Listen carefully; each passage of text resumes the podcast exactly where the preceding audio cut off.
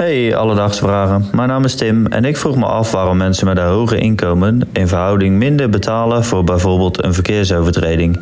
Mijn vraag is dan ook, hoe worden de hoogte van de verkeersboetes bepaald? Alledaagse vragen. NPO Radio 1. Tim uit eh, Ridderkerk, dankjewel voor eh, deze vraag. En Bemshi, eh, de pech wil dat ik gisteren ben gezakt voor mijn praktijkexamen. Ja. Dat betekent wel dat ik nog even boeteloos door het leven ga. Ja, dat is een eh, geluk bij een ongeluk ja, zo zouden we dat wel kunnen omschrijven. Ik probeer gewoon even positief, het einde van het jaar in te gaan. Jij bent een topcoureur, dat weet ik uit eh, ervaring. Want ik mag eh, graag bij jou in de auto zitten. Wat is je hoogste boete die je hebt verzameld? Ja, dat is wel erg hoor. Ik heb ook pas recentelijk mijn rijbewijs. Maar mijn hoogste boete is hier in Hilversum. Dat is, was 295. Maar dan twee keer. Op dezelfde, Wow. ja, door rood. Hier in Hilversum mensen levensgevaarlijk. Bij Oranje altijd op, op de rem. Ik denk dat ik daar ook misschien wel op gezakt ben. Ja, ik weet het eigenlijk niet. Eh, ik, eh, ik neem eh, nog even drie boetes met je door. Want voor 2023 worden de nieuwe boetebedragen weer bepaald. Volgens de laatste berichten ga je volgend jaar, en dat is al heel snel, 380 euro betalen voor je telefoon vasthouden achter het stuur. Rechts inhalen gaat je 280 euro kosten.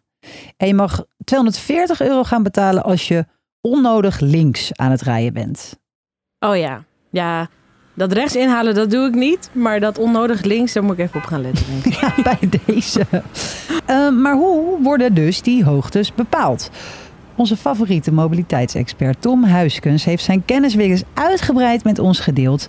En hij gaat ons eh, vertellen hoe de hoogte op dat bonnetje terechtkomt. Ja, op het eerste gezicht lijkt het bepalen van eh, de hoogte van de verkeersboetes een beetje natte vingerwerk. Maar in Nederland heeft het vooral te maken met de ernst van de overtreding. Hè, dat is vrij logisch. Eh, het gevaar wat de overtreding eh, ook kan opleveren. Maar bijvoorbeeld ook met de, eh, het ongewenste maatschappelijke gedrag. En dat houdt bijvoorbeeld in dat je ook een hele hoge boete kan krijgen wanneer je zonder aantoonbare reden klaksoneert met eh, de auto of eh, op een andere manier onnodig lawaai maakt. Daar kun je zomaar eens eh, 150 euro boete voor krijgen. Oké, dus helemaal natte vingerwerk is het niet. De ernst van de hinder en het gevaar zorgen er wel degelijk voor dat je boete dus hoog uit kan vallen.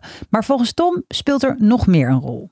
Het is wel zo dat in Nederland elk jaar weer de boetebedragen geïndexeerd worden. Dus dat houdt in voor eh, 2023 eh, dat die gecorrigeerd worden voor inflatie. En eh, minister Jizzelgus van eh, Justitie die heeft ook aangekondigd dat dat ook met de, het forse inflatiepercentage dat we nu kennen van minimaal 10%, dat die boetebedragen geïndexeerd eh, gaan worden. En sowieso worden eh, periodiek de boetebedragen weer eens eh, tegen het licht gehouden.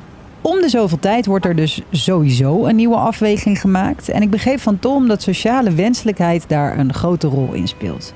Het ministerie van Justitie en Veiligheid doet mede namens de minister van Infrastructuur en Milieu een voorstel rondom de hoogte van het nieuwe boetebedrag. En dat wordt vervolgens vastgesteld door de Eerste en Tweede Kamer. En dan is er nog iets wat Tom Huiskens je absoluut niet wilde onthouden. Wat we, wat we ook niet moeten vergeten is dat boetes ook de staatskas spekken. Eh, dus er wordt ook gewoon heel ordinair vanuit Den Haag gekeken naar hoe hoog boetes moeten zijn om eh, gewoon de overheidsbegroting en de overheidsfinanciën op orde te houden. Dus het kan best zo zijn dat eh, boetebedragen ook omhoog gaan wanneer de overheidsfinanciën een beetje achterblijven. En als we allemaal heel braaf zijn en geen eh, boetes uitgedeeld krijgen, dan is dat direct een probleem voor de staatskas. En dan zul je zien dat het jaar daarna of een aantal jaren daarna de boetebedragen weer omhoog gaan. Alledaagse vragen. Hoe het verkeersboetesysteem in Nederland werkt is inmiddels een stuk duidelijker. Maar hoe gaat het er dan in andere landen aan toe? Nou, Tom zou geen mobiliteitsexpert zijn als hij niet ook daar het een en ander over weet. Dus kom maar op met die vergelijking. Hoe doen we het hier en hoe doen ze het daar? In Nederland is het zo dat, dat de boetebedragen in principe vaststaan. En bij hele zware overtredingen eh, ga je naar, eh, wordt het voor de rechter gebracht. In Noorwegen zijn de boetes eh, nog veel hoger. In Nederland zijn ze voor wat betreft West-Europa onderhand het hoogste van allemaal. Maar in Zwitserland is het bijvoorbeeld zo dat je bij zware verkeersovertredingen een percentage van je inkomen moet afdragen. De sterkste schouders moeten de zwaarste lasten dragen.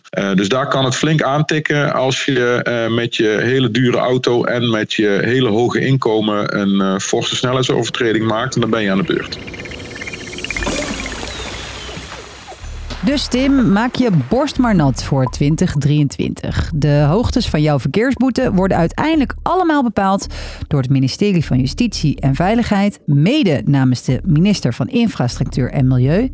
De Tweede en Eerste Kamer gaan het dan vervolgens vaststellen. Hoe hoog de boete is, heeft te maken met meerdere factoren.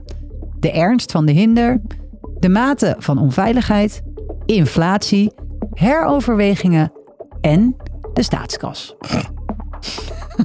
Daar lach jij om, hè, Bems? Ja, belachelijk. Wil je de mensen nog wat meegeven?